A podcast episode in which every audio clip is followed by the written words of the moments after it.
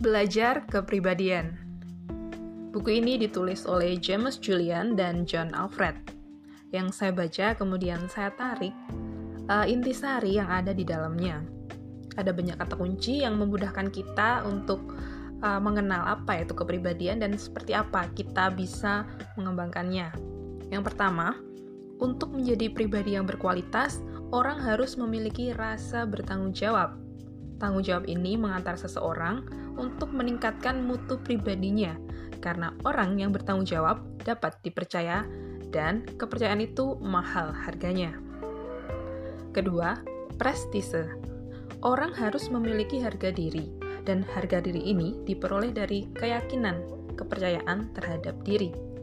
Percaya diri muncul karena sifat-sifat baik seperti jujur. Jujur akan membawa kebaikan, dan kebaikan beriringan dengan penilaian orang terhadap kita. Ketiga, pengetahuan dan tindakan. Untuk dapat bertindak, kita perlu tahu, paham, memiliki pengetahuan, dan mengupgrade-nya, lalu menjalankannya.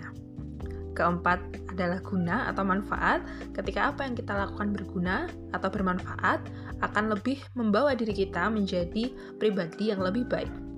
Dan kelima adalah tujuan. Ketika kita telah memiliki tujuan yang nyata, tujuan yang baik, kita harus sesegera mungkin mengeksekusinya untuk meningkatkan kualitas pribadi diri kita.